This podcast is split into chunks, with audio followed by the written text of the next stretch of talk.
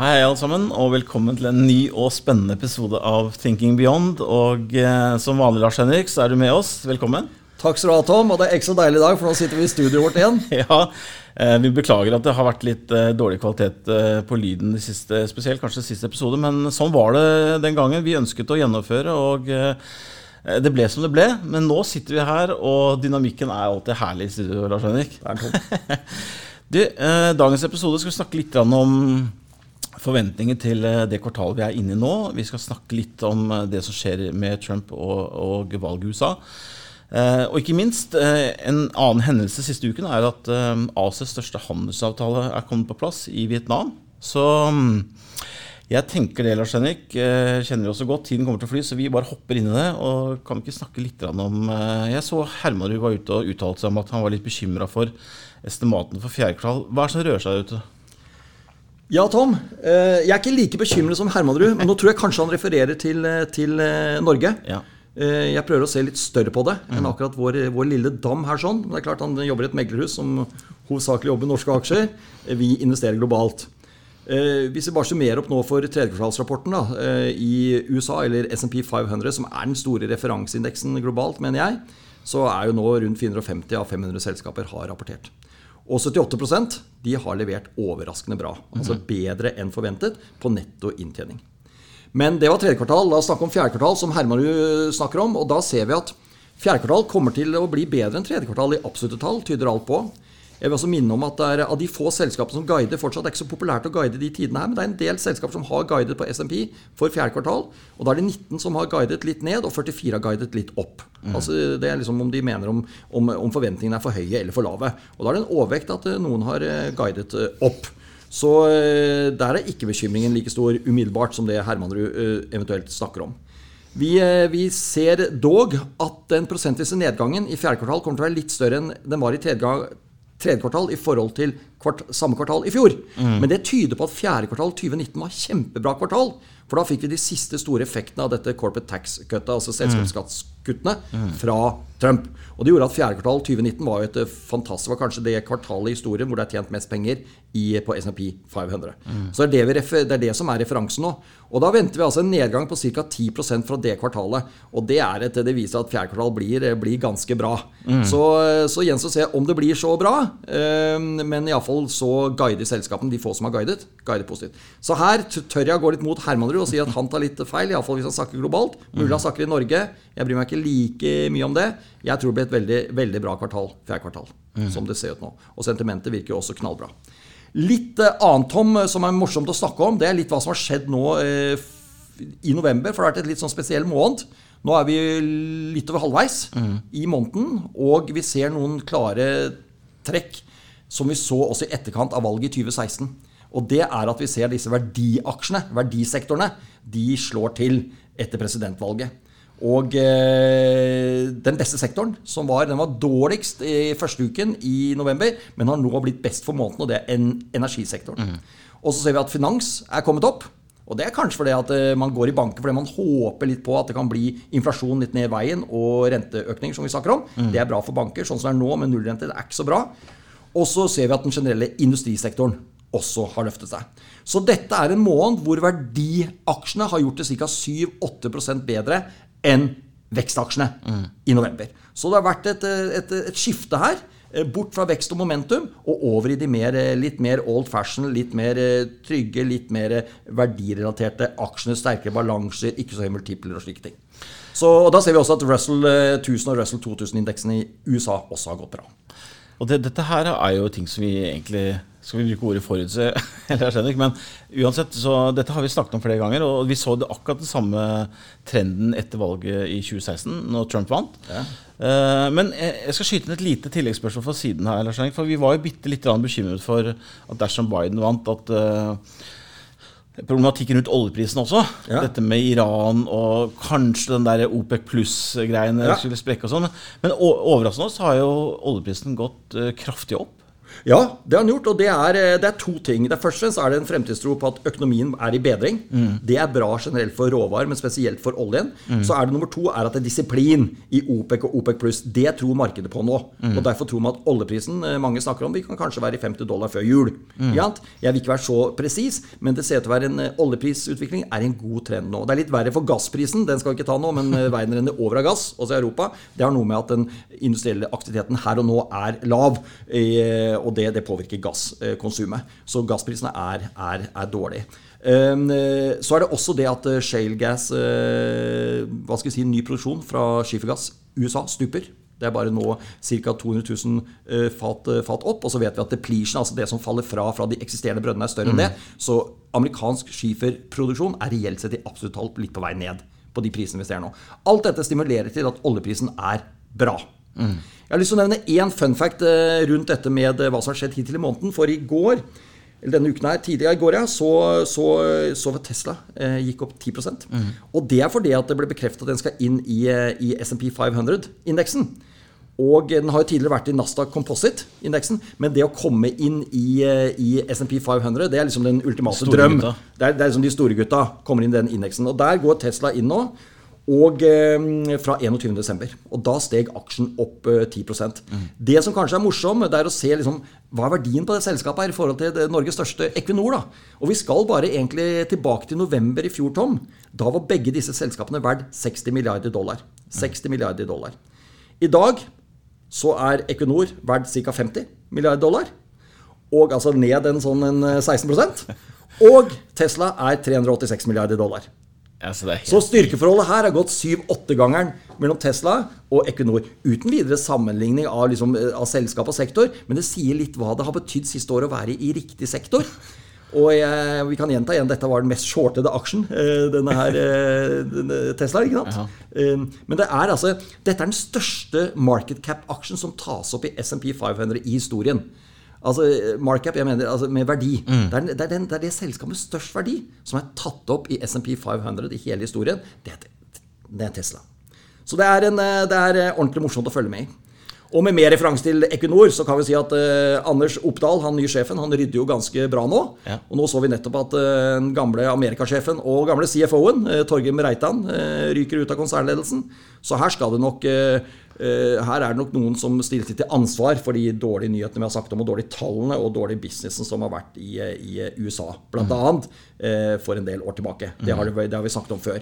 Og I og med at Helge Lund er ute av Equinor, så kan man ikke ta han. Det er han som var øverste ansvarlig. Men, eh, men Anders Oppdal rydder litt nå. Og Det er ganske spesielt med Torgrim Reitan. for han var jo egentlig en kronprins. Den gangen Elda Sætre bare for få år siden ble CEO, så var jo Torgrim Reitan i finaleheatet eh, mener man, Nemlig. om å bli CEO. Og nå, altså noen år senere, så er han ut av konsernledelsen når han nye kommer inn. Så det er jo ofte når en, når, som før i tiden, når en konge kom inn, så fjernet han noen av sine motstandere eh, i løpet, fordi de var en liten sånn trussel. Så det er vel det som eh, skjer her. Så Torgrim Reitan ryker litt ut her. Nemlig. Du, bra. Vi skal bevege oss bitte litt videre. Vi skal uh, bevege oss over dammen mot, uh, mot Trump, som uh, ser ut til ikke ville akseptere nederlaget. og jo mer og mer jeg slår opp på hjemmesiden, ser det ut som han er ute og spiller golf hele tiden. Så, eh, men, jeg, men, jeg, ser også noen bekymringer der ut ifra at eh, det er jo en overgangsperiode her Lars Henrik, på, på et par måneder hvor liksom eh, demokratene skal komme inn i det ovale rom som han snakker om. Um, hvordan kan dette Har vi noen eksempler på for å begynne med det, har vi noen eksempler på historisk hvor det faktisk har skjedd? At presidenten bare rett og slett nekter å gå av? Nei, har noe, det, har ikke, det, har ikke, skjedd. Men vi har, vi, har, vi har, eksempler i USA og i resten av verden, altså Europa og ja, andre steder, på at det har vært, vært tunge skifter. Mm. Men i USA så tror jeg faktisk vi skal tilbake til støyet som var helt rundt når Abraham Lincoln kom inn i, i 61. Han ble valgt i 60. Og eh, da var det en del støy. Men det var først og fremst mye støy på demokratenes side. De, demokraten den gang var et veldig splittet parti. Husk at Lincoln var den første republikanske presidenten når han kom inn som den 16. presidenten i USA. Og eh, styrte USA gjennom borgerkrigen. Så ble han jo valgt på nytt igjen. Men da skjedde jo det, da, som vi ikke tror skjer nå med Trump. Men han ble jo da, han ble valgt, men så ble han skutt en måned etter han var valgt. Så før han tredde inn i sin andre periode, så ble jo Lincoln skutt. Og så tredde da han eh, visepresidenten Andrew Johnson inn istedenfor, og satt den perioden eh, som da ut. Og så ble han, det, var det noe riksrett-tull og noe greier med han, så vidt jeg husker. Så, så det var mye tull på den tiden der. Det er sist gang vi hadde ordentlig mye støy rundt en inntreden av en president, mener jeg, sånn virkelig tydelig støy, det var, det var Lincoln i 1861. Men først og fremst for det var mye Det var, mye, det var tre demokratiske kandidater som kjempet mot hverandre, og sånt, de klarte ikke å samle seg. Så derfor, eh, men selv om vi hadde lagt sammen de stemmene de fikk, så hadde det ikke vært nok til å slå Lincoln den gang. Og så har vi jo selvfølgelig hatt, hvis vi går tilbake til europahistorien Det er morsomt å se tilbake på eh, hvordan de måtte lempe noen ut av, av, av palassene sine, med Ceasescu i Romania. I lille julaften 89 ble han tatt livet av. Han prøvde å flykte 22.12. Eh, helikopter fra taket av palasset sitt, men han ble jo tatt, da. Så det er sånn ufrivillig hvor, hvor sånne diktatorer er fjernet. Ja, ja. Erik Honecker kan vi ta. Øst-Tyskland. Det var heller ikke noe lykkelig slutt.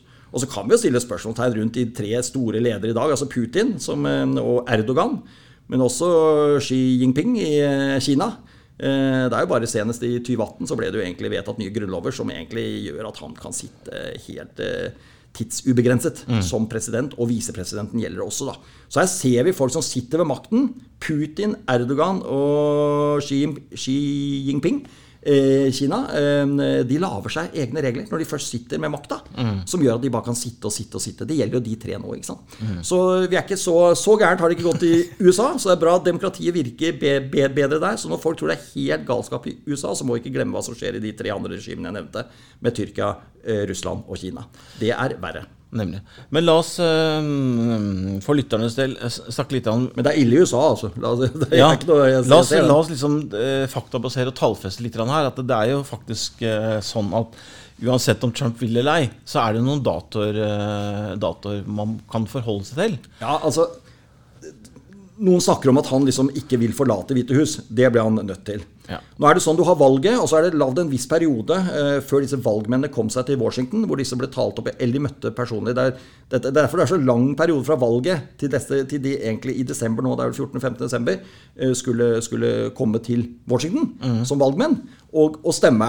Eh, det er fordi de måtte komme tog eller ri inn til Washington fra alle steder i USA. ikke sant? Mm. Og så er det noe som vel Det er Kongressen som endelig, så vidt jeg husker, 6. eller 8. januar, som endelig vedtar alt sammen eh, rundt den nye presidenten og godkjenner alt. Og etter det så er han altså Dette er noe som skjer over presidentens hode. Mm. Det er Kongressen. Og da er, han, da er ikke han president lenger etter 20.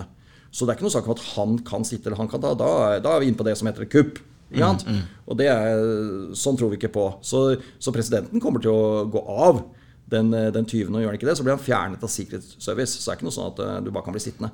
Dette, er, eh, dette blir besluttet av med valgmennene først, og så av Kongressen, hvor de endelig godtar valget. Så sånn er det.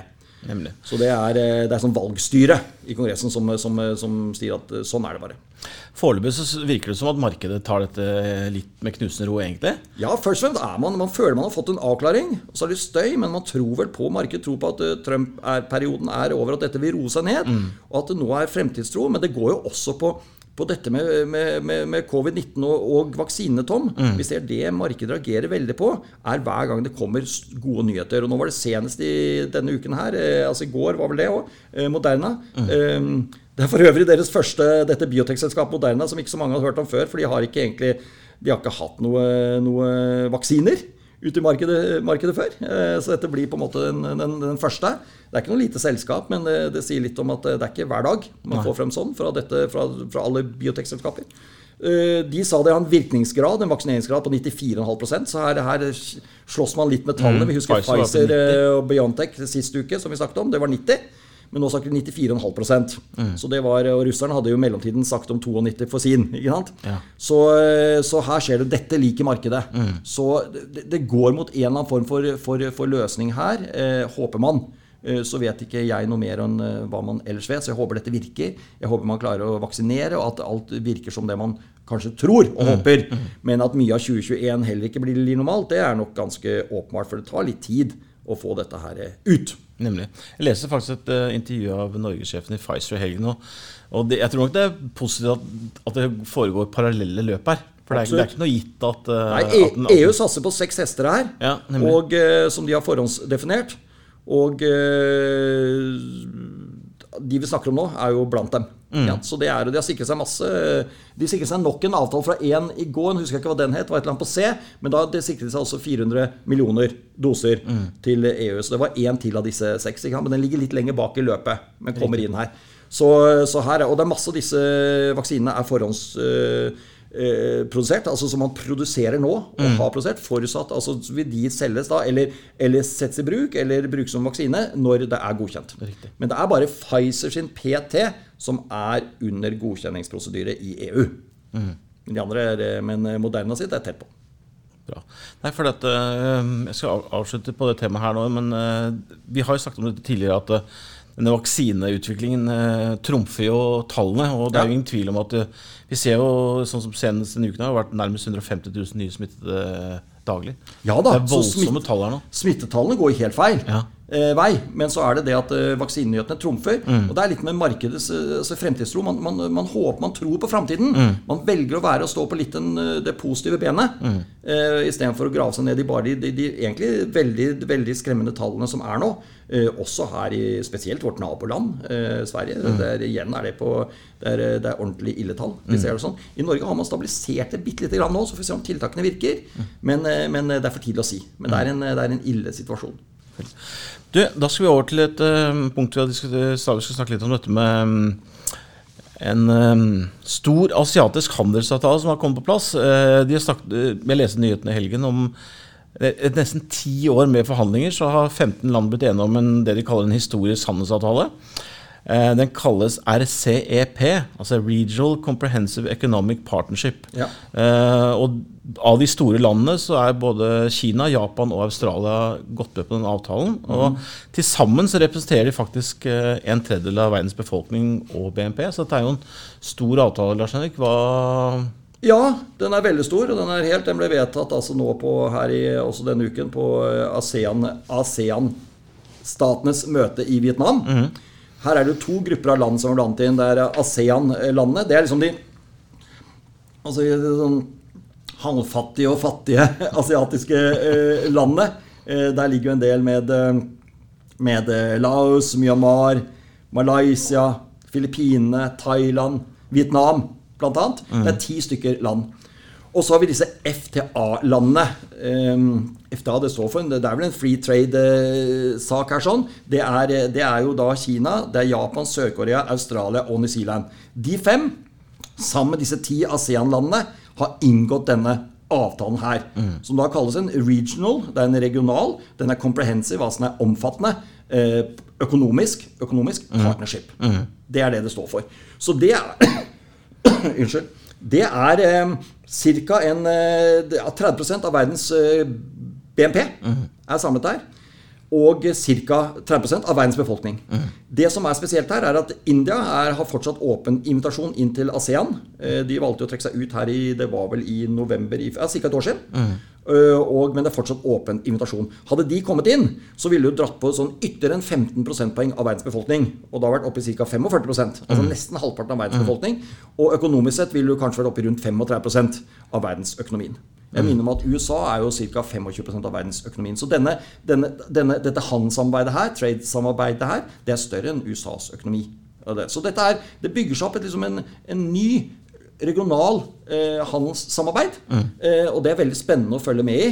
Eh, om, det er, om dette er betraktet som en sånn regional proteksjonisme, litt som USA eh, Trump også har tenkt for USA, det gjenstår å se. Men det er klart at de vil først styrke seg i sin egen region og samarbeide der. Og det er kanskje fordi at disse asiatiske landene ser at det kan bli tøffere og tøffere etter hvert. Og, og, og vokse sin markedsandel og handel med et vestlig land. USA eller Europa. Så her bygger seg opp litt fronter, Tom. Nemlig. Og det, det virker som det altså, noe av grunnen til at dette her blir landet nå, er nettopp fordi at vi ser at eh, covid-19 har eh, de, de prøver å samle seg nå da, for, å, for å redusere tariffen og, og, liksom øke, eller booste, eh, økonomien i Asia nå. Så, så det, det er en spennende nyhet. Ja, vi nærmer oss veis ende for denne gangen, Lars Henrik. Men vi tenkte vi skulle snakke litt om det. For vi har fått en del spørsmål om noe som jeg ikke kan veldig mye om. Men uh, jeg kan jo bare spørre leksikon Lars Henrik her. hva skal du spørre om nå? Taksonomien. Ja, Det er, eh, ut fra hva jeg leser, EU sitt klassifiseringssystem. Og eh, flere har kommet med henvendelser til meg rundt om vi kan ta opp dette som et tema i podkast. Det rekker vi selvfølgelig ikke i dag, men uh, kanskje en fremtidig episode. Men kan ikke du snakke, fortelle oss lyttere og meg litt om det? Ja, det er Kort. et eh, Kort. kort. Vi tar det kort denne gangen, Tom, så tar vi mye mer eh, en annen gang. Men det er riktig, det er et eh, klassifiseringssystem. Jeg vil si det sånn Endelig får vi et klassifiseringssystem for bærekraftig økonomisk aktivitet. Altså hva er bærekraftig? Hva er grønt? Hva er ikke grønn? Altså hva er, blir avslørt som grønnvasking? Og hva er ikke grønnvasking? Og det er det som er så, så, så spennende med det her eh, nå. ikke sant? Så dette, dette inkluderer da hele unionens eh, arbeid med bærekraftig finans, hele Green Deal-programmet, og, eh, og standard for grønne obligasjoner, og samtidig som andre investeringer relatert til grønne eh, forretningsområder. Og dette her er, eh, det, det, det er omfattende. Det trer gradvis i gang nå fra årsskiftet. Eh, og så vil det, eh, så vil det omfanget vil øke. Så selv når 2021 er ferdig, så har vi ikke kommet i gang med hele taksonomibegrepet og hva som skal oppfylles, men vi er i gang.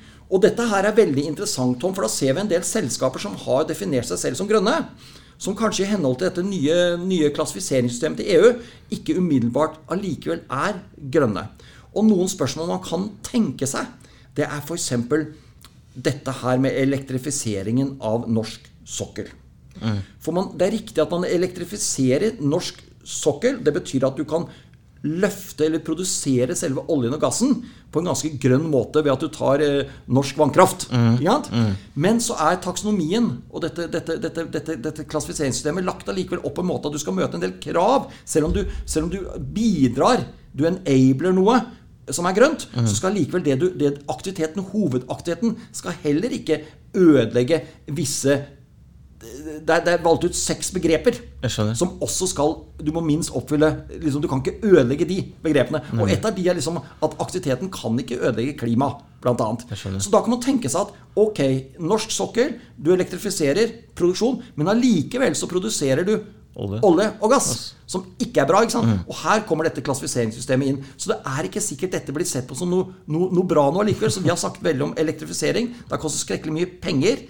Og eh, det er jo i seg selv veldig rart med at noen vil elektrifisere noe, og i neste foredrag så sier de skal legge ned også produksjonen. Det er veldig rart. Vi bruker masse penger på å elektrifisere og samtidig ha et mål om å legge ned. Det er jo penger ut av vinduet. Og så kan du ta et selskap som, som Quantafuel, som mange har snakket om, som ikke Ja, det er riktig de resirkulerer plast, men plast har ikke noe klimaproblem i utgangspunktet. Der det ligger eh, Det er et miljøproblem. Kan ha miljøproblem. Men når du går gjennom Quantafuel-prosessen, så blir jo dette her et drivstoff.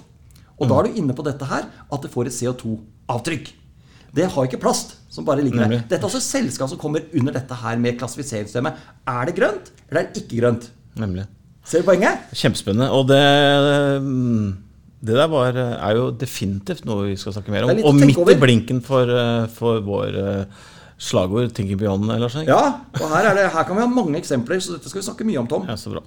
Du, kjære lyttere, vi må dessverre avslutte der. Eh, Vi er litt på overtid, faktisk, men eh, det tåler vi. Så sier jeg takk for oss, og så høres vi til uken. Det gjør vi, Tom. Ha det bra. Hei.